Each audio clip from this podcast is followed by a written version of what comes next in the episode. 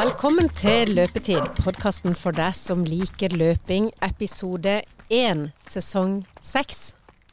Ja da. Sesong seks.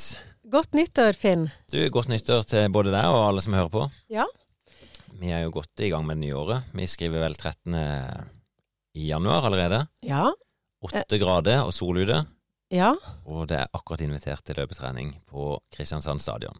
Ja, da vet du mer enn meg, for jeg kom så tidlig på jobb i dag at da var det verken sol eller åtte grader. Men det gleder meg å høre.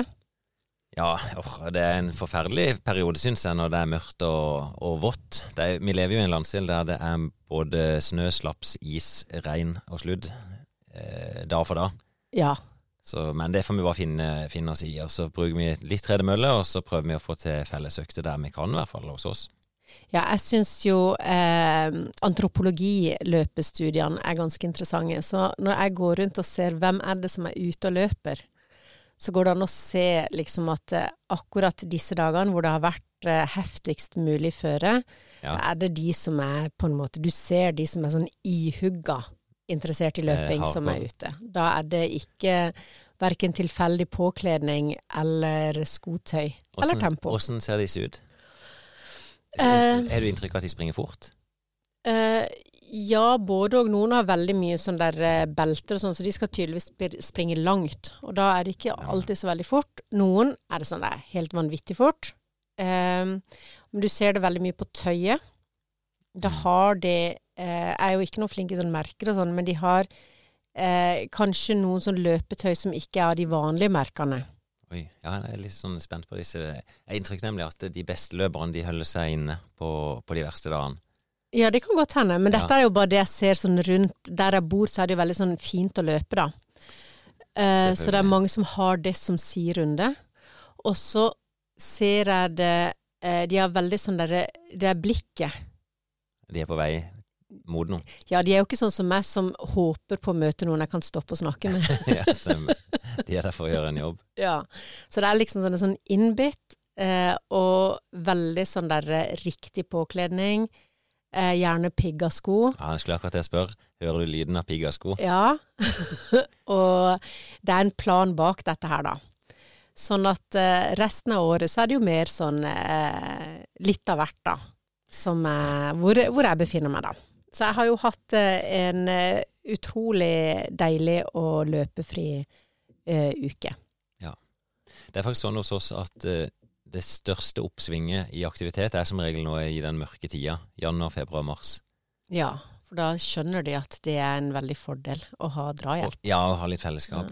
Ja. Det har vært litt vanskeligere nå med akkurat de nedstengningene som ikke har hatt offisielle fellesøkter, men det er jo likevel sånn når jeg skriver at flomlysene er på på Kristiansand stadion på tirsdag klokka sju, så var vi 40 stykk som møtte opp. Mm. Men du har jo du har jo en gave med den måten du fremstiller det på. Jeg leser jo meldingene som jeg får fra løpeklubben, og det høres jo ut som du inviterer til, til spa. ja. Og så tenker jeg ok, jeg kjenner Finn, jeg vet at det, hvis han sier at ikke det er glatt, så er det garantert mye glattere enn det bør være, og det er ikke Det er ikke så deilig som det han fremstiller det. Men eh, Nei, det er ikke alltid optimalt. Ehm, det, det kan være glatt, og jeg er ikke noe glad i å springe fort på glatta. Eh, men akkurat inne på Kristiansand stadion, så det er i hvert fall ingen overraskelse der. Det er flatt, Nei. og du får ikke en sånn her plutselig at du springer rundt en sving, og så sklir du på en eller annen issag som ikke du ser. mm. Eh, og så er vi, det vi prøvde å anbefale medlemmene til å få pigga skoene sine. Du kan Ja. enkelt kjøpe sånne pigger, eller på til og med om de har de på Jula og Biltema. Ja, og så Eh. tror jeg det er sånn et par hundrelapper på det 250 kroner det Mm. koster her i hvert fall. Og det, det hjelper i hvert fall. Det blir ikke optimalt det heller, men det blir mye bedre. Vi har jo snakka tidligere om det at eh, glatta og sånn at det kan være litt utfordrende for løpesteget. At du kan få litt sånn andre vondter, da. Eh, Ja, det, og folk får det. mm. Så jeg prøver å advare mot det. Og så det er litt sånn ambivalent, for jeg inviterer jo til fellesøkter. Eh, Men i dag, eh, rett før vi begynte, så så du kanskje det jeg skrev òg, at eh, i dag la mølla stå. mm. Nå er det åtte grader ute. Ja, og jeg har avtalt løping i morgen med min løpevenninne. Ja, så bra. Så nå er det no mercy. Du er jo invitert i kveld klokka syv ned på Flåmlysene. Ja, jeg vet, jeg vet, jeg vet, jeg vet. Dere løper akkurat når jeg sitter og leser Albert Aaberg.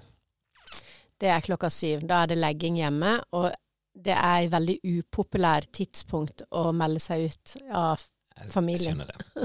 Det er tid for alt. Så men det er tid for alt. Det, det går jo Han blir jo eldre og eldre, og jeg merker større og større frihet i forhold til sånne ting. Så snart jeg, kan jeg også være med i stad på stadion. Men Finn, tidligere vintre har du vært en ihugga eh, langrennsgåer i om Ja. vinteren. Jeg har sett veldig lite bilder fra langrennsløypa.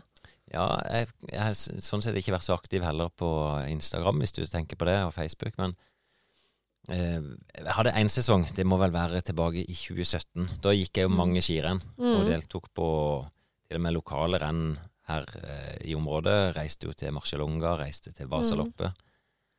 Um, gikk hovedentur. Um, men det krever, det krever ganske mye reising når du bor på Sørlandet. Det er jo ikke Mm. sånn at det skifører rett utenfor døra hos oss.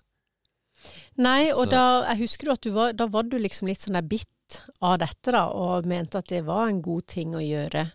Jeg, jeg hadde jo vært med på et skirenn året før, på Hovdentur, og blitt sikkert nummer jeg vet ikke, 70.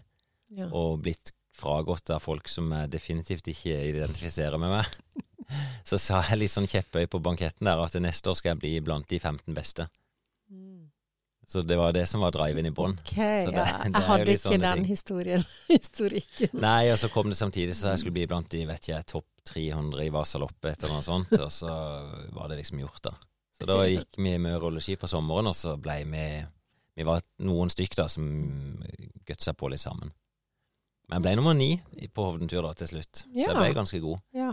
Men det, det tok nesten et år, ja, å, å få si, nesten den samme kraften da jeg har i beina, eller oksygenopptaket som jeg kan dra ut der, til å klare å dra det ut i overkroppen. ja. I- Og du, du drev med sånn der eh, Sånn å trekke sånn tråder. Ja, det, det finnes jo sånne stagemaskiner. Ja.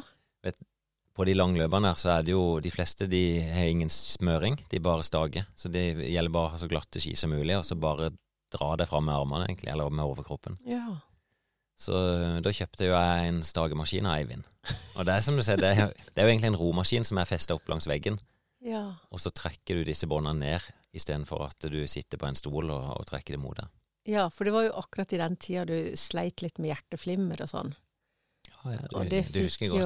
jo Hjertet fikk kjørt seg litt da du Ja. dreiv og holdt på med det. Ja, og mm, som alle som driver med løping, så av og til dukker det opp noe skade. Mm. Um, noen har begynt å kalle det for finnlegg når jeg får sånn eh, vondt i leggen. Det, det, det er ikke en finnlegg, det er, men det er det vi kaller gammelmannslegg. Ja. Um, det kan dukke opp innimellom, og, og da er i hvert fall en av de tingene jeg kan gjøre, det er å gå på ski. ja. Og i hvert fall stage. Så det er å stå stille. Du kan jo Ja. få deg sånn brett som du kan sitte på, så kan du bare stake. Ja, Hvis du får skikkelig finnlegg. Du, du, du får meg til å høres veldig gal ut nå. Det er sånn, etter maraton og sist, så da fikk jeg litt vondt i akilles. Uh, vet ikke helt hvorfor. Uh, var litt kanskje uforsiktig rett etter maraton. Og da gikk det seks uker uten at jeg sprang. Ja, men det tror jeg var karma. For du har ikke vært så veldig Du har vært nådeløs mot min akilles. Så jeg tror jeg bare sendte den over til Ja. deg. For jeg har ingen vondt i min akilles. Gratulerer. Men så trener du ikke heller. Men, men jeg, bare sånn, jeg har vært på ski, og, men, ja, og kanskje mål om å gå, en, gå et skirenn. Men jeg er meldt på i Boston Marathon, som er i slutten av april. Og jeg, jeg vil i hvert fall prioritere å få løpt, da, der jeg kan. Mm. Men langrennstrening, når det er tilgjengelig, så gjør jeg jo det. Og jeg har jo ei hytte ikke så veldig langt herfra. Men skiføre har foreløpig vært sånn helt middels. Ja. Når du sier Boston Marathon, så kan jo ikke jeg la være å tenke på den terrorhandlinga som Nei. skjedde der.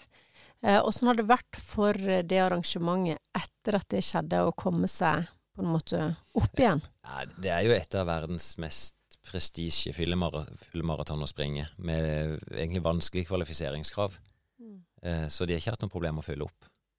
Nei, Eh. men er det noe sånt som henger ved? Blir det gjort noe markering? Sikkert, jeg, jeg aner rett og slett ikke. Uh, ja, det var jo bare en eller annen sånn gal mann som sprengte ei bombe Mm. i, i målområdet. Um, Og de, jeg tror de tok de, det var vel to gutter, Mm. tror jeg, som de tok ganske fort. Uh, det kan jo skje hvor som helst, når som helst. Mm. Uh, jeg regner ikke med at det vil skje igjen når jeg er der borte. Nei. Så jeg, jeg tar utgangspunkt i at sikkerheten er ivaretatt på de arrangementene. Mm. Det som er det, det er vel verdens Jeg tror det er det maratonløpet som har vært arrangert lengst i verden. Mm. Siden på slutten av 1800-tallet, så er det gått hvert år. Og så er det ei spesiell løype da, der du blir bussa ut 4,2 mil, og så springer du tilbake igjen. Ja, så Og- du dekker ei runde, eller Nei, og så er det på Mm. en fridag der borte, som det er, akkurat nå i år så er det vel andre påske, da. Um, og tradisjonen da for at veldig mange er supporter, eller står og kikker på, eller Mm. griller i hagen og, og heier folk fram. Men eh, har du satt deg noen sånn løpemål for dette? Ja, ikke sånn kjempe Det som er med den, at det, blir jo aldri helt godkjent tid. For det at for at et løp skal være godkjent, så du ikke lov å ha ei løype som bare gjenger fra A til B. Da kan du f.eks. få medvind, sånn som de fikk i Boston et år. Å ja. Får du stiv kuling i ryggen, så gjenger det kjempefort. ja. Um, og så er det òg for mye fall. Så du har ikke lov å ha mer enn én høydemeter per kilometer da, i, i totalt. Så et maraton kan ikke ha mer høydeforskjell mellom start og mål på 42 meter. Men Finn, Og Boston er 80. Mm. et av de mest prestisjetunge løpene i verden, et av det som har vært lengst, et av det som har mest mulig folk, og så er det ikke et godkjent løp. Det er et godkjent løp, men du kan ikke sette rekord. En offisiell rekord. Nei. For da er det noen regler som du må oppfylle. Men mm. du kan jo tenke deg at eh, 99,9% av de løperne som er der, de skal jo ikke verken vinne eller sette noen eh, offisielle rekorder. De skal fullføre et maraton. Så dette er jo ikke et løp for er Sondre Nordstadmoen, da. Jo, absolutt. Han, jeg lurer på om han vurderer å, å delta der, han òg. Mm. For det er jo prestisjen om å vinne. Ja. Det, det blir jo kanskje litt sånn min New York Marathon at det er jo sjelden du setter pers der, for løypa er såpass hard. Men opplevelsen er stor. Mm. Men Så- hvis du da skal ha en eh, eh, Er det ei god løype? For du sier at Berlin er ei god løype, liksom. Ja, det, det er jo der verdensrekorden er, og der de løp raskest. Eh, så den er ganske optimal. Det betyr egentlig bare at det er få krappe svinger, og det er lite høydeforskjell. Mm. Da går det ganske fort. Eller det kan gå ganske fort hvis du er godt trent. Ja. Jeg skjønte at jeg skjønte, Plutselig kom du på hvem du snakka med. uh, nei, men Så, eh, men noen sånne løp må en gjøre for opplevelsen. Og jeg har jo lyst til å få med meg Det er noe som heter World Majors, som er seks maratonløp. Ja, om det er de mest prestisjefulle. I hvert fall så sier de som arrangerer den serien, da, at det, Mm. disse løpene er de mest er, det er London, Berlin, New York, og så er det eh, Boston, Chicago og Tokyo. ja. Så jeg har tatt de tre første, og så mangler de tre siste. Mm. Og så Så- er det jo en På disse turene så er jo reisen, opplevelsen, veldig viktig. Mm. Jeg husker ikke bare maratonløpet fra Barcelona tilbake i november. Vi gjorde mye annet. Det kan jeg tenke meg. Ja. Eh, men i hvert fall så tenker jeg at eh, det kan bli gøy å høre om opplevelsen fra Boston. Ja, absolutt. og kunne sammenligne med New York. Mm. Eh, Ja, jeg er spent sjøl. Mm. Foreløpig så opplever jeg at New York er det som er verdt det aller råeste med tanke på Mm. publikum. Men veldig sånn tett fulgt av både Berlin og London. Ja. Ikke Barcelona. Det, er færre folk i Barcelona Mm. som, eh, som er mer rundt. Det som er litt mer stas der, er at eh, det er ikke så mye hesle med å komme til start. Mm. Du kan gå ganske sånn Bare et kvarter før så kan du ta deg et øye og, og bare spasere ned til Mm. start. I New York så er jo det en hel rigg for å, å ja, Ja. Det er kanskje fire timer før da som du må begynne å flytte deg til start. Mm. Det er jo litt sånn Jeg kan nesten liksom høre kulturen i, liksom, i landet når du, når du forteller om disse tingene. Mm. Og så fra Berlin også, hvor alt er sånn Alt er punktlig. Alt ja, er er ryddig. Alt er strigla. Det er, det er sånn som du får beskjed om. Så det er veldig morsomt å, å høre, da. Mm. Eh, men du, vi har jo, du har jo fulgt eh, Steffen, som vi hadde med eh, før jul, eh, tett opp. Ja ja, vi hadde tre måneder med mm, daglig kontakt. Da var det innrapportering. Det, det var en del av, av riggen, Er, altså Hvis en skal klare å snu en trend, så må du ha noen forpliktelse. Mm. Eller jeg tror på det, i hvert fall. Eh, Så han rapporterte inn trening hver dag, og vi satte sånn hårete mål. Eh, Vi testa han jo i starten, og sprang han på 20 minutter, eller litt over 20. Og um, han veide 143 kilo. så var det liksom OK, hva skal til for å snu? Ja, så definerte vi under 130 kilo um, under 17 minutter på 3000. Uh, og det, det, betyr jo i, i praksis skulle han forbedre seg med 15 sekunder hver uke. Mm. Tre måneder i strekk. Så det er jo i så fall den råeste framgangen noen har hatt. I hvert fall som jeg har vært borti og trent. Mm. Men du har litt, et lite opptak derifra? Skal vi ikke gå inn og høre Mm. før vi, vi røper åssen det har gått? Mm. Så skal vi inn på Dette er rett før jul. Dette var 21. 21. desember, Mm. tirsdagen før julaften. Vi, det var vel den samme tirsdagen hver måned vi testa han. Mm. Der fikk han faktisk fem uker fra forrige test. Så han hadde én ekstra uke å gå på denne gangen Mm. her. Så inn til Kristiansand stadion skal vi høre Han hadde jo med seg broren sin og søstera si. Der, vet du. Nå er vi på plass igjen. Kristiansand stadion, og vi er kommet til 21. desember. Det er en skjebnesdag, som vi kaller det.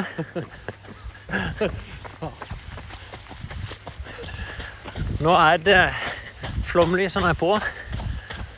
Det er vel kanskje minus, kan det være? To-tre grader, kanskje. Sånn lett rimlag på, på stadion. Og en kropp som er i vesentlig bedre forfatning enn det han var for tre måneder siden. Det er sikkert. Det er helt sikkert. Nå tipper jeg vi, vi jogger og varmer opp i den farta som du sprang den første testen på. Kanskje fortere òg. Ja. Eh, I dag var målet altså etter tre måneder at du skulle ha gått ned fra 143 til 129 kilo. Og hva viser, viste pila i dag morges på vekta? I dag morges viste han eh, 128,6. Ah, ja, det, er, det er jo en applaus. Nei, det er veldig kult. Hvordan kjen- kjenner du noen forskjell? Eller sånn at du, blir gått ned 15 kilo? Ja, Kjennes lettere ut, eller gjenger det så sakte ned at det, du venner deg egentlig bare til det underveis? jeg venner meg nok litt til det underveis, men, eh, men uh, hverdagen er jo mye lettere. Ja, du merker det. Ja, det, det er jo definitivt. Sover bedre og funker bedre på dagtid. Er du kvitt snorkinga? Nei. Nei, ikke ennå. Nei, så, så det funker bedre på dagtid. Ja da. Og så er du trent mer eller mindre hver dag nå i tre måneder i strekk. Trent i den forstand du er godt. Veldig mye gåing. Ja. Og stadig mer har du vært på beina nå, da. Og, og løpt. vi har faktisk løpturen nå på 20 minutter, som er egentlig det vi skal teste i dag, mer eller mindre. Ja. 3000 meter. Målet er 16,59. Og i dag har jeg gjort litt forarbeid, da. For det er ikke helt så lett å regne ut rundetidene. Men det er 2,16 på runder. Ja. 34 sekunder blir det på hver 100 meter. Så kan vi i hvert fall følge med litt på klokka. Så vi tar og går litt òg, så ikke vi, vi skal ikke slite deg ut på oppvarminga. Tror du det vil gå? Jeg er veldig spent, det må jeg ærlig si. Eh, Det er jo i dette tidspunktet jeg sier at jeg, jeg bør si at det er ikke noe alternativ å ikke klare det. Eh, Men jeg skal i hvert fall gi alt, og så får det bare bli som det blir. Ja. Det, det viktigste på veien har jo vært å snu trenden, og det, det har jo definitivt gjort. Men det er noe med å ta de målene en satt seg òg. Og det, jeg syns det var et hårete mål. da. Ta ett minutt i måneden. Det, I snitt av 15 sekunder i uka. ja, det er, På, det, det, er det, er, er ganske greit i starten å gjøre det, men det blir verre og verre. Så det jeg husker fra sist, da, det var kanskje litt sånn uheldig med været. Det var mørkt, så nå er vi i fordel at det, det er lyst. Samtidig er det kaldere nå, da. Det er Ja. ingen fordel. Jeg tror ikke det er glatt. Det kjentes Nei, det var, det var god friksjon. Ja. Eh, og så fikk du veldig vondt i magen og ryggen. Ja. Det ble trøblete. Mm. Er det noe du har kjent på trening? Eh, Jeg kjente på den eh, altså uka etterpå vi hadde forrige test. Ja. Da, eh, da fikk jeg noen intervaller av det som var, var litt lengre intervaller, hvor jeg, hvor jeg dro den litt hardt. da. Ja. Og, og da framprovoserte de samme smertene som jeg kjente på stadion her. Ja, det stemmer det. Eh, det var vel litt av men det er en måned siden det, så Det er en måned siden nå, det kan være at med den løpetreninga du har gjort, at du kan være kvitt den utfordringa. ja. Jeg håper det i hvert fall. ja. Jeg har også du- gjort noen, eh, noen eh, bekledningstiltak. Prøver på med tre stramme T-skjorter i dag for å holde ting litt på plass. Ja, men det er bra. Vi har hatt et korsett nå, så Ja, det har hjulpet. det er klart du er jo i en forfatning. Ja da. Og som jeg skrev til deg, da. 30 pakker med smør. Hvis du stabler 30 pakke, smørpakker opp for hverandre, så er det ganske drøyt. Ja, det er ganske mye. Ja. Så det skal gå lettere. Nei, vi gjør oss klar. Vi varmer opp litt, og så ses vi på startstreken om noen få minutter. Du, da er vi klare til start. Omkransa av begge søsknene. To søsken. Det var, en, det var enda en kar. Ja, det? Han ikke. Han springer ikke. Preben er her, og nå husker jeg ikke navnet på søstera. Bertine. Ja. Og så har fått en heiagjeng. Heiagjeng, hvem er dette? Det er jo eh, nivøen og niesa til han og kona mi. Ja, så bra. De måtte få med seg dette spektakulære sub 17 3000-meteren. Ja, det er bra. Har har du trua på din bror? Ja, jeg har jo det. Han har gjort alt som han skal og gått ned masse i vekt og er nervøs. Så det er jo alt som skal til for et vellykka løp, det. Akkurat passe nervøs. Og da har vi Ja. ja. Da har vi vel kanskje Skal vi si at det er 20 personer som kommer til å følge deg? Du må få, få folk til å peppe litt underveis. Ja, Ja. selvfølgelig. Så vi må òg dra litt i folk. Du liker det, litt press? Ja da. 16,59. Det er 34 på hver 100 meter. Det er 2,16 på hver runde. Det er det vi skal gå for. Så jevnt som mulig. Og så blir det brutalt. Men det blir ikke brutalt fra starten. Skal vi bare gjøre klart? Er du klar? Tre måneder trening. Resultatet får vi om 16 minutter og 59 sekunder. Er. Da sier vi klar, ferdig, gå. Da er vi i gang. Og vi vet at du pleier å åpne litt hardt. Det er en fart som er ganske ukjent for meg òg, så du får bare følge med litt på de første passeringene. Det springer jo på en helt annen måte enn før, det gjør det. Fortsatt et godstog, men nå triller det veldig lett på skinnene.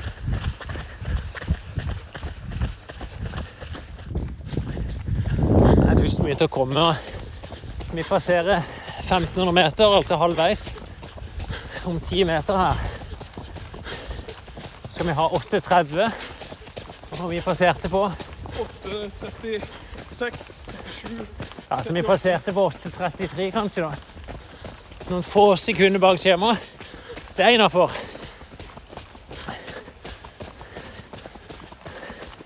Når du sier vi må rett og slett bare bite i og opprettholde farta.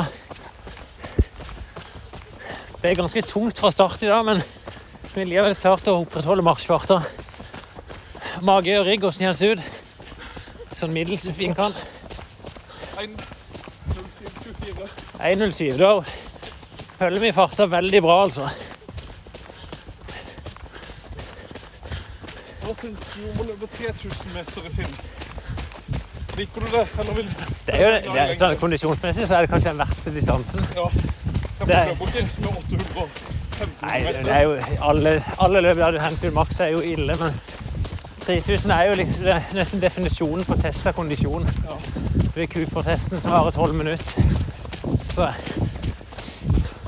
det er brutalt. Det er, det er det.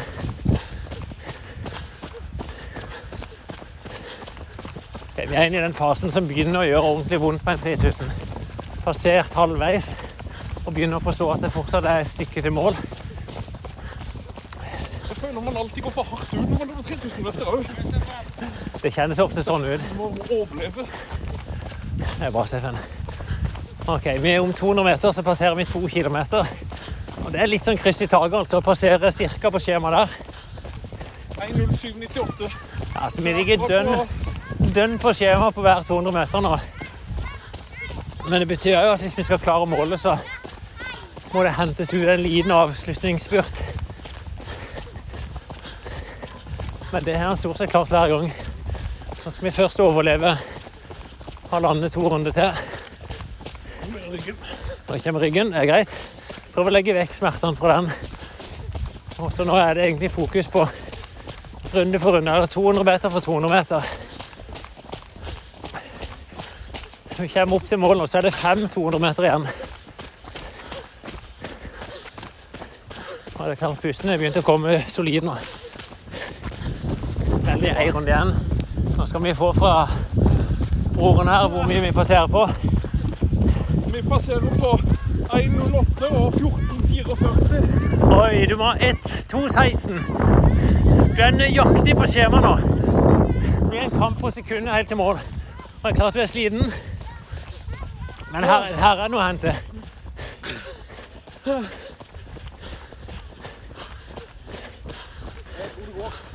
Ja, det skal holde hardt, altså. Vi ser om det er noe kreft igjen. Det blir tøft nå inn. 300 meter igjen. Klarer du å mobilisere litt oppover langsida her nå, Steffen?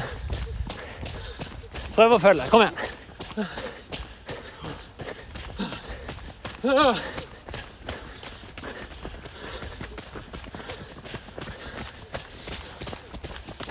«50 meter, så passerer vi 200 meter til mål.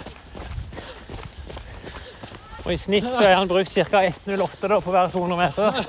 Det vil si han skal helst ha 15,52. 200 meter igjen. 200 meter igjen. 1551, 109 må vi løpe på. 1,09 må du ha på siste 200.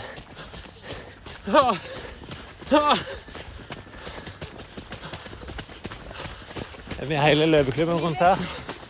Kom an nå. Veien din. Det går bra. Det kommer til å gå.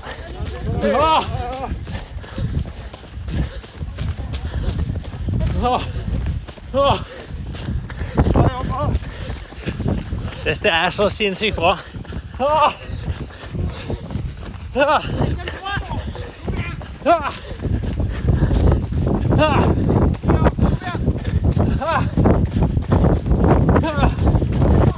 er en jæklig bra avslutning her nå. Få offisiell tid. Yes! 1650.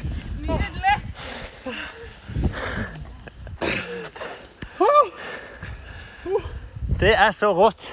Bra jobba. Jeg syns det virker som det gikk lettere denne gangen. I forhold til nyene som, som er her nå. 16,50. Ett minutts forbedring på de siste fem ukene. Fy fader, det er rått. Jævlig bra, Steffen. Nei, ja. Nydelig. Satan. Men det er smerte på en annen måte nå enn Det eh, er maven sist. fortsatt. Det Ja. er det som bremser meg. Det å trette de i låra for for tidlig. Ja. Jeg føler jeg De er, de er tunge, de er trege, de prikker i de. Men det er Nesten så jeg føler jo jeg ikke får nok luft. Men Men Hvordan syns du det var i dag i forhold til sist gang? ja, det var jo forferdelig. Det, er- det, det var jo det det. er en brutal, men brutal Men, ærlig eh, test. Og det er ikke noen mulighet for å jukse på dette. Dette er enkelt og greit. Men uh, helhetsopplevelsen er jo bedre, da. Ja, det er det. Altså, jeg løp mindre i kjelleren enn sist.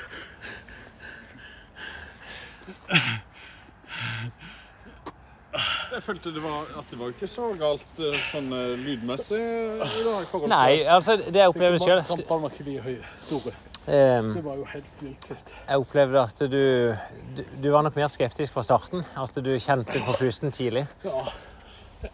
Og jeg tenkte meg sjøl dette skal holde hardt, altså. Jeg hadde ikke trodd på forhånd at det kom til å gå. Når, eh, når vi hadde løpt den første runde eller to, og jeg så ligge bak meg et sekund, to sekunder Du sier på parta, Ja. og det ikke skjer. Da, eh, da eh, Vi, hadde, jeg, skjønner du at vi skulle skulle ha 2.16 ja, på runder, og runde to gikk vel på 2.19. ja, eller var det runde én? ja, det var som, Jeg telte bare halve runder, og det var Ja. ett til to sekunder bak hele tida.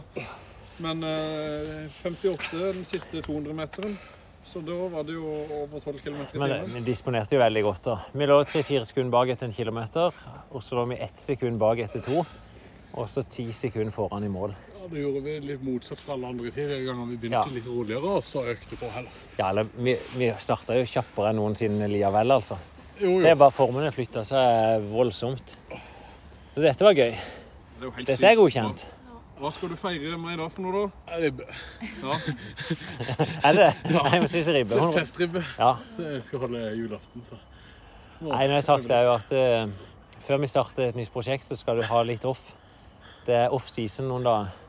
Og så starter vi opp igjen i romjula, tenker jeg. Eh, Det betyr ikke at du må slutte, og du kan fint ut og, og gjøre aktivitet, men at da må du kjenne på at det er frivillig og ikke noe du må rapportere inn.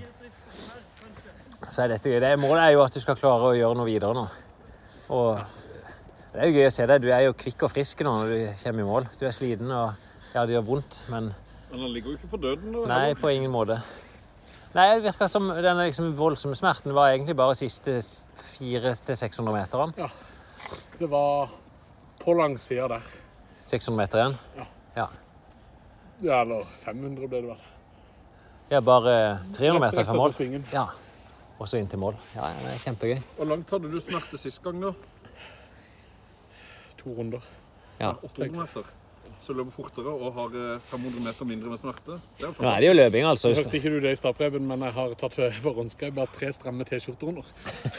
For å holde ting på plass. Ja, men det er jo, det er jo, det er jo kjempesmart. Ja, visst er det. Det er som vektløfterne. du. Bruker sånne der eh, bodysuits som Ja. presser de sammen. Nei, det var gøy. Ja, det var Vi får si to av to fullført. Eller tre av tre, egentlig. Fullført alle treningene, hatt det gøy. Dunk inn på vekta, dunk inn på målet. Mm. Så gratulerer. Det er bare å gå inn i jula med glede. Det var faktisk kjempegøy. Jeg gleder meg til å se hva det neste blir.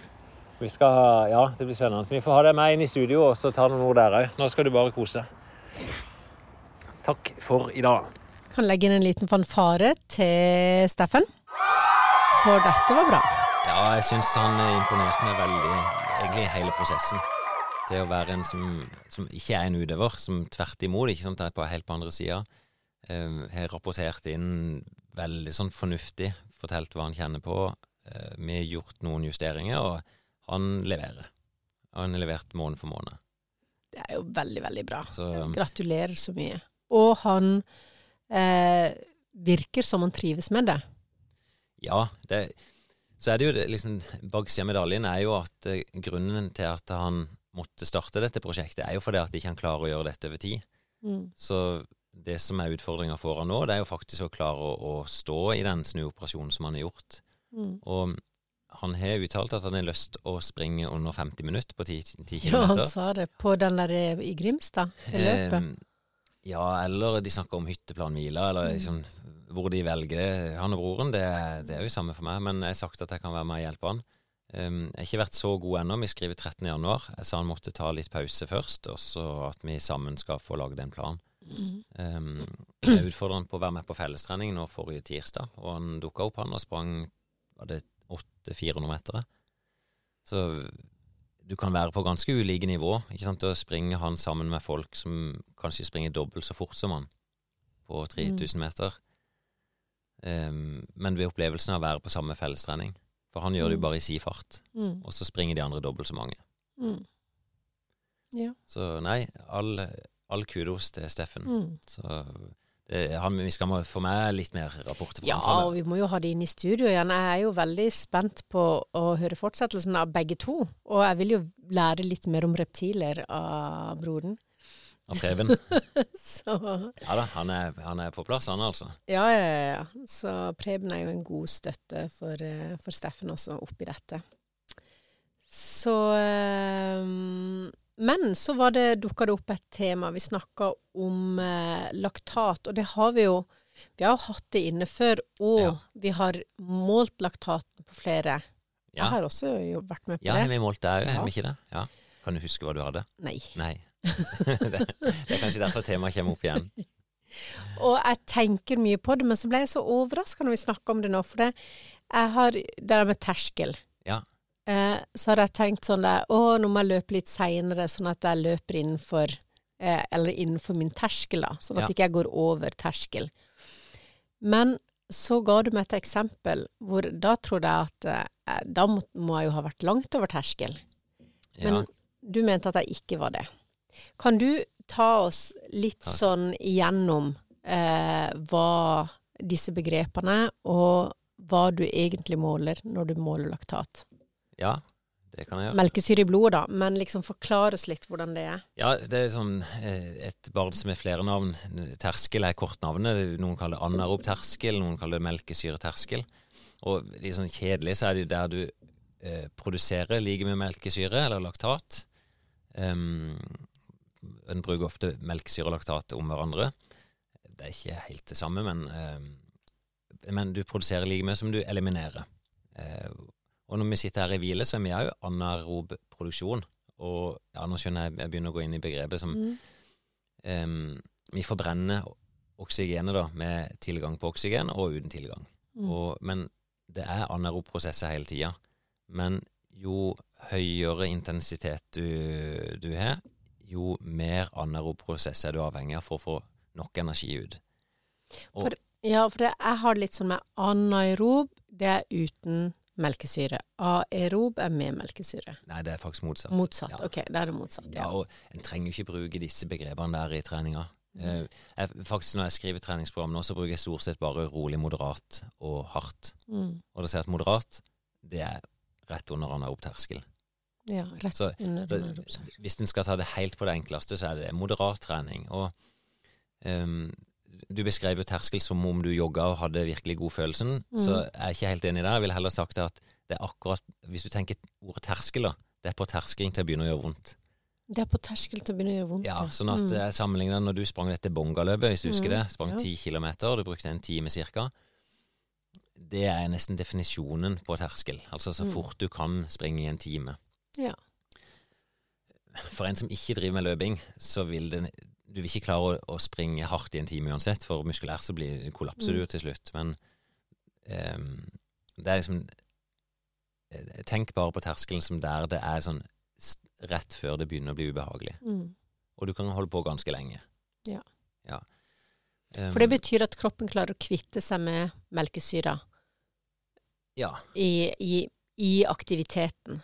Altså hvis du løper over det, så får du oppsamling av melkesyre, og Ja, da blir du stiv. ja. Da klarer så, du ikke mer. Så hvis du springer på ei tredemølle, og la oss si at min eh, terskel er 15 km i timen, bare som et eksempel Hvis jeg springer under det, så kan jeg holde på veldig lenge. Mm. Hvis jeg springer litt over, så vil jeg gradvis bli mer og mer stiv. Mm.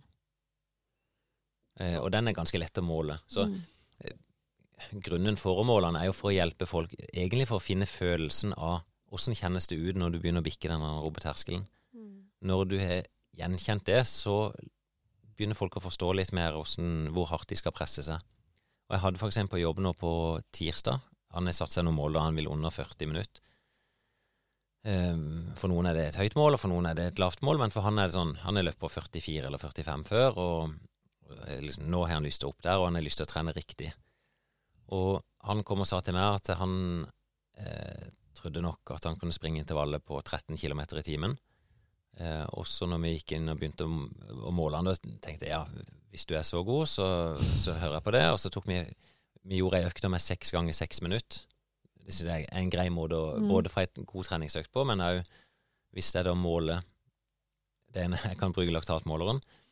Eh, da ser du om du er kryssa. Mm. Og så, når det er så lange drag, så kan du ikke lure deg sjøl. Hvis du Nei. springer for hardt, så blir det helt pyton, og da vet Mm. du at du er forbi.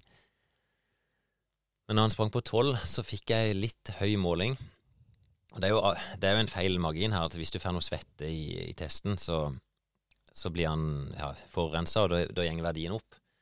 Så jeg tenkte at ja, dette var bare feil. Så vi noterte pulsen og var lav i forhold til det han sa, sa var anaerob terskel. Så sprang vi neste på 12,5, og så viser han da jo skyhøyt over terskel allerede. han var helt kokt. og, og da så jeg det jo på han òg, på Mm. drag nummer to. Eh, så det var bare å rigge ned på 12 km i timen igjen, og det viser at eh, anarop terskel for han var rett i underkant av 12, Mm. og ikke 13 som han håpte. Mm. Og, og i praksis for han, da, så, så nå skal han trene framover på 12 km i timen istedenfor på 13. Ja. Og, Og det du har sagt til meg en gang, det er at du er egentlig mer interessert i dette enn makspuls. ja, for du kan ikke bruke makspulsen til noe. Makspulsen er jo, det blir bare noe du har, akkurat som en skostørrelse. Mm. Det er ikke noe du kan utvikle. Mens farta du springer på andre opp terskel, den kan du utvikle. Mm. Så det er jo ganske logisk, ikke sant. Hvis, det er, hvis jeg i dag da kan springe 15 km i timen uten å bli stiv, og så trener jeg en periode, og kan, så kan jeg springe 16 km i timen, ja, men da springer jeg fortere på den Mm. timen, ikke sant. Så det er det en ønsker. Mm. Kan Og- du bare, for at, at vi skal ha noen sånne vanvittige tall å forholde oss til, hva er terskelen til disse Ingebrigtsen-brødrene? Ehm, ja, la oss si at det, det er i hvert fall 21 km i timen. Det kan de løpe liksom i en time uten å merke det? Ja, hvis du tar utgangspunkt i Sondre Nordstad Moen, da, som springer Mm. halv maraton, det er jo 21,1 km i timen. Det bruker han 59 minutter på. Mm. Så, så, og da per definisjon, da, Nærmest så er hans anaerob terskel over 21 km i timen. Ja. Og, og Jakob er kanskje enda bedre. Jeg vet ikke hva han hadde gjort på en halv maraton. Der måtte han sikkert trent litt spesifikt, men på en 10 km så er nok han bedre enn Sondre. Så, Ja. så se en plass mellom 21 og 22 km i timen. Det er jo helt vanvittig. Når, eh, ja, og Kipchoge sprang jo maraton under to timer. Da springer jo han mer enn 21 km i timen. Mm. I to timer. Så det er ganske drøyt. Det er jo. Det, er, det er jo drøye tall, dette her. ja, og det er nok mange som når de er på ei tredemølle, opplever at hvis de setter mølla på 20, da, at det oppleves som full spurt. Ja, eller de, de fleste setter han jo ikke på det. Nei, Hvis de har, eh, hvis de har litt eh, redd for å tryne og bli sett av andre på studioet. mm. Men, men, eh, i hvert fall Terskelen er veldig trenbar, Mm. og du kan flytte den både 1 og 2 km i timen i løpet av, av relativt kort tid. da. ja. Så si 68 uker, så kan du fint flytte den en kilometer i timen. Det er jo veldig kult. Ja. Mm. Og, og så er jo selvfølgelig dilemmaet er jo alltid hvordan skal du trene for å flytte den mest mulig effektivt. Um, skal du høre på hjerteforskeren oppe i Trondheim som sier at fire ganger fire er, det beste? Eller skal du høre på kanskje si Ingebrigtsen, da, som, som bruker stor del av treninga stort høyt treningsvolum med mye rolig trening, og så et stort innslag av det de kaller terskeltrening, eller det er i hvert fall det mange kaller terskeltrening. Da trener du like under anarob terskel. Det, er, det er plagsomt. Nei, det er ikke plagsomt. Det er akkurat rett før det er plagsomt. Ja ja, men det er jo litt sånn store mengder av det, hvor du ligger der og kjenner på at eh, det er ganske tungt. Nei, det, er nesten der du bommer litt. For det at, jeg syns jo fire ganger fire er helt pyton. Da springer Ja. du opp imot maksinnsats i fire minutter. Mm. Eh, du har ganske lang pause fordi at det er såpass hardt, eh, og du vil måtte stivne noe. Mens sånn som i kveld, da vi skal springe ti ganger 1000, ti eller tolv ganger 1000, så ligger du på en intensitet som er helt ok. Du kan fortsatt snakke, men kanskje da i litt kortere sånn avbrutte setninger. Eh, men ikke noe problem å smile og ha det relativt greit. Så terskeltrening er i utgangspunktet noe som er sånn relativt behagelig. Mm. Ja. Det er veldig mange som er hekta på den fire ganger fire fortsatt. Den er, har blitt en sånn en Ja, de, de reklamerer jo veldig med på. Nå kommer vi ut i, i ja, overalt nesten med det der og gjort det veldig enkelt. Um, det er effektivt hvis du skal øke formen på kort tid, og så er det veldig slitsomt. Og jeg hører veldig få som blir veldig gode av det, og jeg hører veldig få som klarer å holde ute veldig lenge med det. Dessverre. Så er det en annen ting du har sagt til meg, at eh, du tror ikke sånn som meg, da. At uh, jeg, tar, jeg tar i det som skal til, da. At jeg legger meg for mye ned, ikke sant, fordi du skal holde ut i disse fire minuttene. Mm. Sånn at uh, du, skal, du skal faktisk være i ganske god form i utgangspunktet for å få et For å orke å ta deg så ut. Ja, altså be- Begrunnelsen de hadde for akkurat å ende opp med den formelen der, var de gjorde en studie der de sammenligna bare rolig, altså jogging. De hadde det vi kaller terskeltrening, da, altså moderat intensitet. Og så hadde de eh, fire ganger fire som et alternativ, og så hadde de mm, 15-15. Altså du 15 sekunder innsats, og så 15 sekunder pause. Da kan du holde ganske høy intensitet da òg. Og så så de hva er det som gir best effekt på oksygenopptaket. Um, og da var det både 15-15-treninger og 4x4-treninger hadde samme effekten. da. Men så konkluderte de og sa at eh, ja, men for folk flest så er det lettere å forholde seg til 4x4 enn 27 ganger 15-15. Mm. Ehm, det som ikke det, det, som, det ligger i studien, og det er jo utvikling av terskelfart, som viser at terskeltrening påvirker akkurat like mye som den harde treninga. Mm. Og det er den faktoren de som driver med utholdenhetsidrett, eller i hvert fall løping, da, er interessert i å utvikle. Vi er ikke så opptatt av maksen, men vi er opptatt av hvor fort kan du faktisk springe uten å bli stiv. Ja. Og det er jo veldig Ja. det, det, det, det er jo veldig bra å få høre at den utvikler seg Men, men eh, for- raskt. for de aller fleste så er det ikke noe og det er ikke noe poeng å begynne å kjøpe inn laktatmålerapparat og sånt. Ta heller og gjøre gode økter med, med høyt volum på moderat intensitet, så vet Mm. du at det er Da trener du ganske rett. Ja. God joggetur. Jogge, ja, joggetur funker òg, men, Mm. men hvis du skal ha ei effektiv intervalløkt eller ei hardøkt da, ikke gjøre så hard at du tvinges til å måtte stoppe opp eller tvinges til å sette ned farta, Mm. men heller økte der du kan holde på i hvert fall en 30 minutter, samla varigheter på hele intervalløkta, utenom pausene selvfølgelig, um, der du heller kan øke farta på slutten enn at du tvinges til Mm. å, å må sette ned, eller at du har det fryktelig vondt. Mm. Ja. Så hvis, maks ei hardøkt i uka, som, eh, der det gjør vondt. Ikke noe mer enn det. Veldig, Så- veldig bra. Ja. Vi kan jo, hvis vi har tid, så kan jeg, var- etter med meg laktatmåleren på ei treningsøkt på eh, nå rett før jul, så vi kan gå inn og høre litt der. og Derfor er det jo litt av utfordringa med laktat på vinterstid. Ja, Jeg endte faktisk opp spennende. med å ta noen telefon til noen andre trenere og høre hvilken erfaring de hadde sjøl. Ja, det vil jeg høre.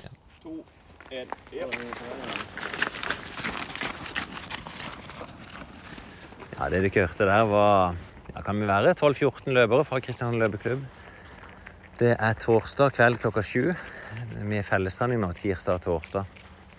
Og vi er på 2. Nei, 2. desember. Eh, flott vintervær. Det er kanskje 3-4 minusgrader. Snødekke.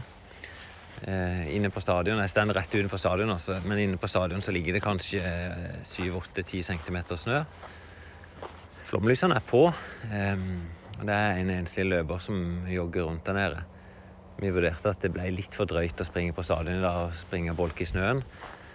Mens eh, utenfor som det er gang- og sykkelsti, og der er de grusa, så er det helt greit å springe. Jeg har litt eh, trøbbel med akillesen etter det maratonløpet. Det dukka opp eh, ei god uke etter løpet, så ble det plutselig akutt veldig vondt. Så ja, jeg driver på litt alternativt. Men tenkte i dag da, så kan jeg ta med dere på ei økt med løpeklubben der vi skal Vi springer fem ganger seks minutter. Det er det jeg vil kalle ei klassisk Ingebrigtsen-økt. De springer vel typisk den eh, på mølla store deler av året, de. Eh, mens vi gjør det nå utendørs. Sånn vi legger det opp her, at vi springer i ei runde som er ca. 1400 meter. Eh, det vil si de beste de kommer til å passere på fem minutter. Men de springer da til seks minutter, ett minutts pause, og så snu og motsatt vei tilbake. Så jeg har tatt med laktatmåleren i dag. Eh, sagt at eh, en periode framover så skal vi prøve å lære gruppa litt bedre opp. Og særlig de som nå har tatt den trenerutdanninga.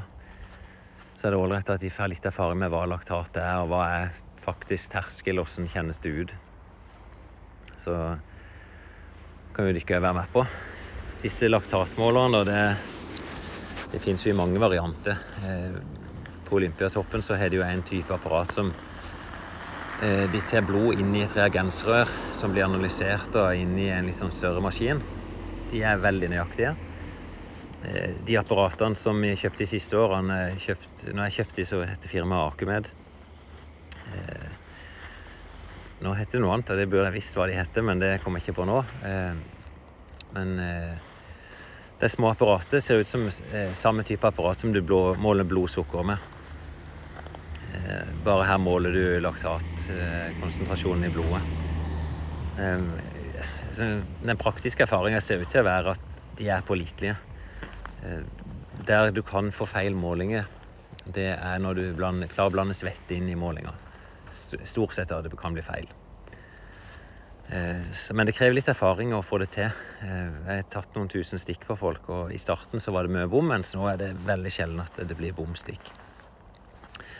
Det som er greia, da, har jeg med en liten sånn eh, ja, Ulike typer nål òg du kan kjøpe, da, men jeg har funnet noen sånne apparater som eh, du monterer en liten nål inni, og så trykker du på en knapp, og så fyker du en spissampull rett inn i fingeren. Og eh, da skal det formes en fin bloddråpe på tuppen av fingeren, og så, som jeg da dytter en sånn strips, som vi kaller det, eh, ned i bloddråpen, og, da tar det ti sekunder, så har du et svar på hvor mye laksat du er i blodet.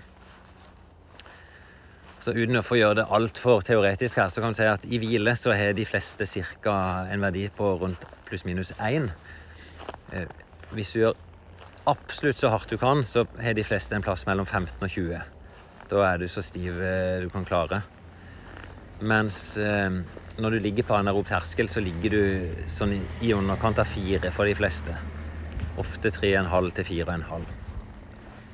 Så dette blir en sånn Nå, nå vet jo ikke jeg akkurat hvilelaktaten til de jeg skal teste, eh, men eh, det er godt, eller mellom godt trente utholdenhetsutøvere, så til en antakelse om de skal ligge en plass mellom 3,5 og 4. Um, og da ligger de der, så vet vi at da er det safe. Hvis de ligger på 5, 6, 7, så vet vi at da er de å pushe opp i sone 4. Og dette er økt som ikke de skal gjøre det på, da. Det skal være en moderat økt. Og jeg synes spesielt på sånn føre på vinteren når det er litt glatt og sleipt, så skal den heller være litt moderat enn litt for hard. Så får vi se. Jeg, jeg stikker ikke på det første draget bare etter fem minutter. For ofte så ser en at selv om en er varma opp Nå har ikke de gjort noe annet enn bare jogge ca. 15 minutter. Så eh, reiser laktaten litt raskt opp på det første draget. Og det er fordi den er ikke varm nok og har forberedt seg godt nok. Så en betaler bare med litt grann, eh, oksygengjeld, og så eh, utover i økta så sprenger en seg litt mer inn. I hvert fall hvis du er litt urutinert og åpner litt hardt. Så jeg lar i hvert fall utøveren alltid springe to drag før jeg, før jeg stikker de. Når det er såpass lange. I praksis er det sånn 10-15 minutter før jeg tar første stikket. Så nå kommer gruppa oppover her nå, da. De, ja, snart, ja, de løp de rett over fem minutter. De, jeg, jeg kjenner jo nivået på noen av utøverne, og de beste her springer en fem kilometer på rett rundt 16 blank. Eh, det er Vetle som kommer først, og han tar det ganske moderat, så dette ser greit ut. Men altså, nå blir det ikke noe stikk nå før på neste runde. Vi kan få høre lyden av det i hvert fall. Så er det veldig behagelig ut. Kommer de på løpebåndsbånd. Ja, ser greit ut. Ja. Og da er de løpt i seks minutter. Da stopper de sjøl, så de har fått instruks i dag om at de tar tida sjøl, og så stopper de når det har gått seks minutter. Så bra. Ja, dere er nesten på ei runde, dere, så det er helt perfekt. Jeg tar opp litt lyd òg i dag, Ove, så du får komme med en kommentar etterpå nå, til podkasten. Men åssen er følelsen på første dag her? Springer du roligere enn ellers fordi du vet du skal få et stikk? Nei, det gjør du nok ikke. Nei. Det er nok ganske likt. Når du kommer inn etterpå, så, holde igjen litt. ja, når du kommer inn, så tar du bare og stopper med meg, og så tar jeg av deg hansken og bare gir meg hånda. Så Ja. gjør jeg resten. Ja. Så kan du godt se på pulsen din rett før du måler, sånn at vi vet cirka Eller så er det den du må ha som referanse i dag. Du tok og tenke på Nei, og det, fart. det var derfor jeg ba deg ha med den, for da kan du ha en referanse i forhold til hvordan er pulsen. Men jeg så er det dårlig batteri på den med to klokker. Når jeg har en stram, så en føler det ganske riktig. Ja, det er håndleddspuls. Ja. Ja, det får vi Så bare se. strammer den ekstra. Da det. Det er bra. Liksom den sneller. Tre, To, en. Sånn, da ser at de nærmer seg opp igjen. Er dette utstyret i en, en liten eh, pose. Så er det altså en laktat scout, som måleren heter. Og en eh, Skal vi se Akutjekk. Den stikkeren. Og så er disse stripsene som dere hører lyden av her. Og ei lita eske med 25 strips oppi, eller 24 strips, som jeg da dytter ned i denne målmaskinen. Veldig enkelt system. Og så har jeg med meg kanskje 20 flagg med dopapir. Det er ikke fordi jeg skal på do, men det er fordi jeg bruker det til å tørke blod. Det er en sånn rutine på at jeg begynner alltid å tørke fingeren med blod. Så stikker jeg Eller, sorry. Jeg tørker fingeren for å svette. Og så stikker jeg. Og så eh, tørker jeg på nytt. Tørker vekk alt. Og så presser jeg ut en liten dråpe med blod. Da. hørte hørte dere en liten pip. Det betyr at den er godkjent inn i måleren. Så kommer Ove her. Se, Ove. Ser du ikke? Ja, du hadde hull på fingeren. Ja, ja, tilpassa. Jepp. Jeg kjenner ikke den måleren så godt. Der. Så vi fikk en liten blodflekk. Bare skal vi se. Å nei, jeg fikser det. Det var veldig mørkt her. Jeg skal stille meg i lyset etterpå. Ja, jeg ser det. Men uh, det kan jo bli en feilmåling. måling. bare se hvis han virker på høye. Ja.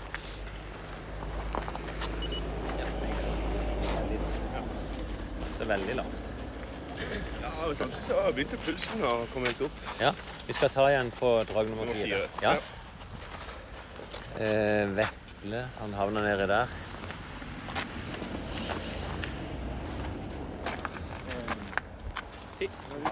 Ti sekunder. 1,3. Opp rundt svingen her, sånn. Det vil jeg tro. Ja. Så kan jeg bare stoppe. En. Jepp. Ja, 1,3 det er veldig lavt. Ehm, Det er jo egentlig bare inne i sone 1. Nærmer seg overgangen til sone 2, da. Men eh, noen har lavt, altså. Han så relativt uanfekta ut. Nå får vi se på neste. Det som var eh, Jeg stilte meg litt langt vekk fra lyskilden her. Det er jo midt på vinteren og kålmørkt. Så det var vanskelig å se eh, om jeg traff blodet. Og det er veldig dumt å treffe utenom blodet. da. Det kan ofte bli litt forurensa av svette. Og svette det gjør utslag på måleren. Men det gjør aldri motsatt utslag, at han blir lavere. Det er bare han blir høyere. Så vi får ta en sjekk av, Vetle, og så skal vi ta OV igjen eh, på drag nummer fire. Ja, så er vi klare igjen her. Jeg ser Vetle kommer rett rundt et hjørne. Jeg stilte meg med en lys, en lys kilde. Så det var det ca. seks minutter. Ja. Nydelig. Skal jeg bare ta stikker her. Har du fått noen laktatprøve før, du? Eh, ja. Men bare når det egentlig har gått ganske rolig. Og du er så, Avhengig. så erfaren. Nei. Ikke i det hele tatt. Hvor hardt føler du at du presser deg akkurat nå? Nei, Jeg føler det ble litt de siste to minutter, liksom, så jeg det over. Så gikk det litt hardere. Liten ny intensitet. Det ligger lavt. Han viser bare 1,1, altså. Men det vet ikke jeg om Så det ble, ja. Det var veldig lavt både på du og Ove. Ja. Eh, ligger det på puls? Aner ikke. Nei. Men eh, jeg pusta liksom. Pusta jo nå, så Ja. Det er klart det, ikke totalt uberørt, følte jeg. Det kan være det blir for kaldt. Jeg får ta og sjekke litt etterpå. Ja. Husker ikke akkurat hvor mye kulde de tåler, altså, men det er mulig at de, det stender noen temperaturreguleringer på dem. At de kanskje ikke skal brukes når det er så kaldt som nå. Jeg prøver jo å holde måleren i jakka da, hele veien fram til jeg skal måle. Det er klart det kjøles fort ned. da. Vi får se. Det kan godt være det blir helt irrelevant. altså. Hvis, hvis Ove fortsatt er på 1,3, så er jeg jo litt skeptisk hvis de puster tungt. Men det får vi svar på til slutt. Med en ny variant her av målet inni bilen.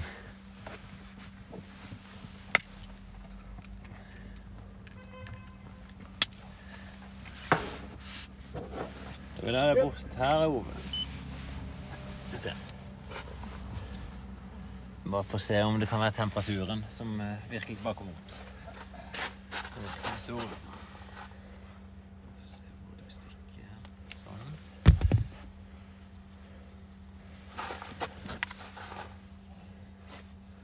Frykter litt at det er den lave temperaturen som gjør det. Sånn. Så på, på morgenen? Ja, det kan være det. Det er temperaturområdet egentlig fra fem pluss. Hva sa du? Blodet stivner. Hvor stille. 4,0, ja. Så det er nok det som påvirker den Så. Ja. Så ligger du litt grann høyt. Ja, det, pulsen var høyere. Jeg jobba litt for hardt opp bakken. Ja, du kjente det?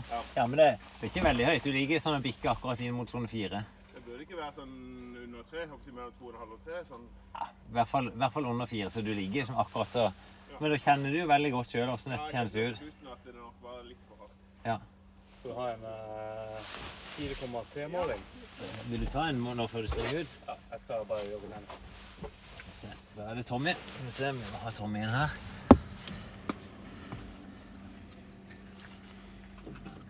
Det er jo godt, et godt minutt siden han kom inn, Ganske nøyaktig. så laktaten faller jo på veien. Vi må Bare se. Vi lader kanonen. Der stikker vi det. Jeg ser han faller.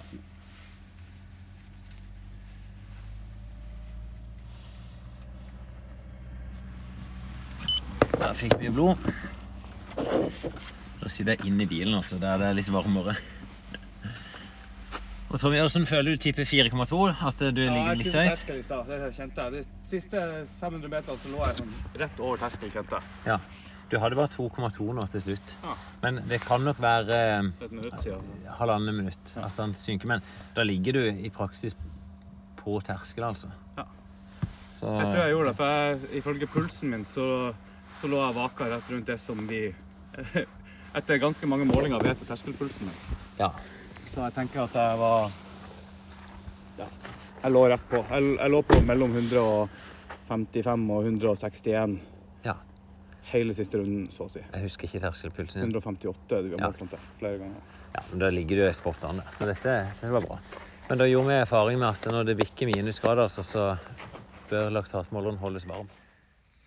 Ja, da skal jeg ta i rettferdighetens navn, da, så la Vetle få en ny måling. Han fikk jo 1,1 i stad.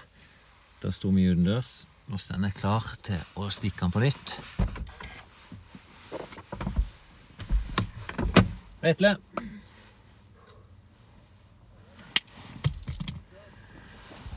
Prøver vi med en ny vri inn i bilen. Skal vi se Skal vi få et stikk. Jeg vet det ble noe. Er det den? Nei, jeg skal ta den på nytt. Å, ganske kjølig. Bare, bare la meg få dårlig lys. Sånn. Der er vi blod, i hvert fall. Så vi kan få noe mer lys ut av det. Det er masse fint blod. Sånn. Så ta papiret, så kan du tørke det. Så skal jeg bare holde den inn i bilen. Ja. Der stemmer det varmt? Åssen kjentes det ut nå? Det kjennes greit. Jeg tenkte jeg skulle ta en siste. Ja, Du ligger lavt nå, altså nå er du 1,7. Ja. Og da er det Ja, men ikke nice. Det er sånn muskulært. Det er tungt nå. Det kan godt være det er bare det. Det så. Jeg vil ikke tenke at du ligger over terskelen når jeg ser det og hører det. Det er bra. Nydelig. Ja, så det er ikke sikkert den var så gal, altså, den måned i stad likevel. Jeg ser jo noen tegn på løpere når de tar i. Eh, og han ser relativt upåvirka ut. Nå ligger han lavt i sone to. Eh, og jeg ser på farta han springer, så, så skal dette være ganske moderat for han. Så nei, jeg får og oppsummere litt med gjengen. Sånn. Så bra. Jeg måtte bare prøve litt. Jeg fikk aldri tatt den. For De går fort i minutter med pause. Det er jo vanskelig når vi kommer tilbake igjen alle samtidig. Så, jeg ble litt mistenksom om måleren ikke tålte kulda. Så jeg var til å ringte noen andre trenere òg, som hadde sånn erfaring. Jeg har aldri opplevd at de har målt så lavt før. Men du så jo i stad du var oppe i fire. ja, så det var jo veldig stor forskjell på de Ja, to men- målene. Åssen var pulsen, vet du det, på nummer to og nummer fire? Eh, han var høyere på, på, på nummer fire. Ja, Hvor mye, vet du det det? nei, ca. nesten åtte-ti slag eller noe sånt. Ja. Så det er ikke sikkert det var så galt på Jeg merker jeg tok litt mye i bakken opp der, så jeg kjente det var litt, litt stiv i forhold til på det første. Så det er nok bygd seg opp litt syre da. Ja, Men det er langt ifra galt, altså. Vi husker Joakim hadde 14,7 første gang jeg målte han. 14,7? Ja, det var det. Jeg tror jeg skal prøve på å stå den en gang. Åssen gikk det for deg? Første det. økt? Ja, Var det ca. samme nivå? Ja, så bra. Starta på 4,50 og avslutta på 4,30 ca. Ja, så det er veldig fin utvikling. Ja. Inntrykk av mange løp er progressivt og bra. Ja. Du må bare være, rett og slett være litt tålmodig på vinteren og så heller bare bruke en del økter til å bygge seg gradvis opp. Og Det er litt skummelt å begynne å ta i for hardt på de øktene her. Ja, jeg glipper litt mye. så... Jeg merker I fjor da løp vi på glatt, jeg fikk veldig vondt i lysken. Ja. Det er seg småglipping, så Akkurat nå er jo mølla god å ha òg, altså. Så det er jo ofte det jeg sier til de aller beste, at de heller bruker mølla på de, de verste dagene. Ja. Ja. eh, Det var jo godt at du fant ut uh, dette her med laktatmåleren, sånn at ikke de løp seg i hjel der oppe. Ja, men det er ikke sånn at jeg pusher de Jeg ser jo mest på utøveren sjøl. Og hvis jeg får noen målinger som er, for meg virker litt sånn rare, så følger jeg nok som regel min intuisjon da, og ser at fortsett i samme stil. Men var dette første gang du hadde opplevd det? Eh, Ja, veldig sjelden jeg målt på vinteren. Mm. Så jeg kan ikke huske at jeg opplevde det før, nei. Nei. Vi har ofte heller gjort det innendørs. Så, Mm. Men jeg måtte bare trekke inn i bilen, så hjalp det. Det var veldig morsomt. En varmefølsom, kuldefølsom måler. Ja, men- utstyret er jo sånn. og det er klart det er jo, Du trekker ut blod, og så skal du analysere dette i minus eh, tre grader. Så, så jeg skjønner jo at det kan Av og til så blir det rart. Ja. Men du, nå som du snakka om at eh, laktatmåleren din trenger litt varme. Ja, det gjør han. Eh, hva med sommerløpet, herre festgeneral? Ja. Løpsgeneral vil jeg kanskje kalle det. Men jeg kan godt være festgeneral òg. Du, eh, sommerløpet det, det blir Det er tiårsjubileum i år, altså tiende gangen vi arrangerer. Eh, lørdag 11. juni. Klokka Så nå er det på den sida av sommeren, ja? Ja, og det er mer eller mindre akkurat seks måneder til fra i dag. Mm. Um, jeg har tenkt å nyte effekten av at eh, jeg håper at Jonas Gahr Støre står på TV-en i kveld og sier at nå begynner vi gradvis gjenåpning, og at vi da kan si og ikke nok med det, så er det sommerløpet om seks måneder. Her er påmeldinga åpen. Og den, Yes. den, han ligger faktisk klar, Ja. så eh, vi har bare ikke lagt ut linken ennå. Mm. Men hvis folk gikk inn i dag og søkte opp på Ultimate Sport Service sine nettsider, så vil de finne sommerløpet innpå der. Ja. Så nei, det gleder vi oss til. Og det, det vi planlegger for, er en, en helt vanlig, eller ekstraordinær folkefest Mm. med barneløp, fem kilometer, ti kilometer, halvmaraton. Så halvmaraton er tilbake. Flest Mm. mulig folk, mye jubel og mye klemming. ja. Det Jeg tror jeg skal løpe halvmaraton. Oi, ja. Jeg tror det. det er jo du, da får du mest applaus. Ja. For da er du lengst tid ute i løypa. Det, det er det som er motivasjonen. Så HBMIS der, der med Jack Waitz Mm. eh, og Tore Løvland. Ja. Og så kan vi jo invitere med oss Jan Post, for han har aldri vært på sommerløpet. Det er sant. Jeg har allerede invitert han, så Mm. får vi se om han eh, Han er jo en mann som er ganske opptatt i store deler av året, og så Mm. må han prioritere familie og sånt eh, innimellom der. Mm. Akkurat nå sitter jo han fortsatt isolert på et hotellrom i Tyskland, er det vel. Oi, oi, oi. Han fikk korona mens han var der nede, og jeg måtte leve der i 14 dager. Oi, oi, oi. Ja. Nei, det er jo, det er jo veldig spesielle tider, det er det. Men eh, vi ser fram til sommerløpet. Det blir utrolig gøy. Men du, det vi har jo fått inn noen Jeg skjønner jo at det er kjedelig å sende spørsmål til oss når vi er så dårlige til å svare. Eh, men vi er jo Dette er jo fritidssysselen vår. Så det går litt opp og ned hva vi får tid til. Men jeg prøver å svare. Ja. Men Øystein Olsen han har stilt et spørsmål som jeg gjerne vil at eh, du skal svare på, Finn. Kom igjen. Takk for flott podkast, så bra at dere er i gang igjen. Jeg har aldri løpt maraton, men drømmer om å løpe New York City Maraton og vurderer dette som hovedmål for 2022.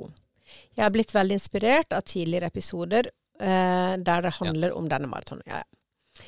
Eh, jeg oppdaget for litt siden at man kan kvalifisere seg til New York City ved å ha løpt halvmaraton på under 1,25. Stemmer det? Ja, um, det er i hvert fall en av måtene du kan kvalifisere på. Du kan jo være med i loddtrekning, men du kan kjøpe deg plass, og du kan uh, Du kan faktisk være frivillig i ni arrangement der borte, Ja. uh, som arrangeres av den klubben. Uh, og så har de noen sånne grenser. Hvis du springer fortere enn noen gitte tider ut ifra din alder. Så noe forteller meg at han her er mer enn 45 år. Ja. Da tror jeg grensa er 1,25. For jeg tror hvis du er vanlig mann, da, så må du vel under 1,21, tror jeg. Ok. Jeg løp Haugesund Avis halvmaraton på 1.22 i juni, og håper å løpe enda litt raskere under Karmøy halvmaraton nå i november. Ja. Jeg lurer på, er disse løpene godkjent som kvalifikasjon, eller må man ha løpt et storbyløp? Nei da. De, ehm, søknaden er jo akkurat nå i januar, eh, og hvis du har løpt et halvmaraton som ja, Jeg tror i praksis så er det bare hvis du har løpt et halvmaraton og kan dokumentere det på ei resultatliste, så får du plass. Kult. Det er min erfaring. Um, de gjør sjekke, altså for jeg meldte inn løp før, annet vinterkarusellen hos Kalle Glomsaker borte i Mandal. Mm. Eller tredje juledagsløp var det. Da sprang vi og Joakim halvmaraton. Mm. Tur-retur Holum, bare med han. Uh, vi fikk det på resultatlista, og vi meldte inn at vi hadde løpt der. Og så fikk vi forespørsel kan vi se resultatlista. Mm. Og så oppga vi den. Men den er kontrollmålt, kanskje. Vet Mm. ikke. men, men de gjorde ikke noe mer sjekk enn det. Så ja. Ja. Så, så svaret er ja. Han kan bruke det resultatet fra Karmøy. Um, anbefaler dere å melde dere på via løpsreisearrangør som Springtime eller andre? Og det kommer litt an på hva behovet er sjøl, altså. Um, jeg har gjort det når jeg ikke har fått plass. Bare kjøpt meg plass gjennom en sånn Mm. turoperatør. Fordelen er at alt er ordna for deg. Eh, Du får med deg reisefølge som tar vekk all usikkerhet du måtte ha. Liksom det å Eh, hvordan skal jeg komme til start? Hvor henter jeg startnummer? Eh, hva gjør jeg etter mål? Hvordan legger jeg opp løpet? De har folk som har erfaring. Eh, ulempen er jo at du må betale for det. Mm. Eh, så, men har du råd, gjør det. Det, det. det er en fin opplevelse. Og så Vi gjør det som regel sjøl, for vi har erfaring sjøl. Og da er det greit. Ja. Mm. Og du sparer jo selvfølgelig litt. Mm. Ja. Men er det vanskelig å få det til sjøl? Er det sånn at jeg, jeg ikke, eh, Nå har jo jeg, la oss si, vært og arrangert Kanskje jeg har vært på 100 mesterskap etter hvert. Så så jeg har jo en viss erfaring, så jeg syns jo ikke det er vanskelig. Nei. På et vis, Du skal melde deg på, du skal bestille fly og hotell, og så må du jo planlegge hvordan du skal komme deg fra A til B. Mm. Eh, og det tror jeg er ganske god på. Da er det lett.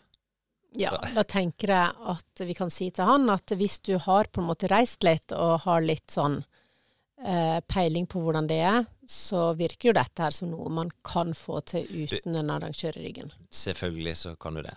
Og så jeg kan si for, fordelen hvis du er alene, da, Mm. så kan du i et sånn med en turoperatør få følge av andre i samme situasjon. Ja.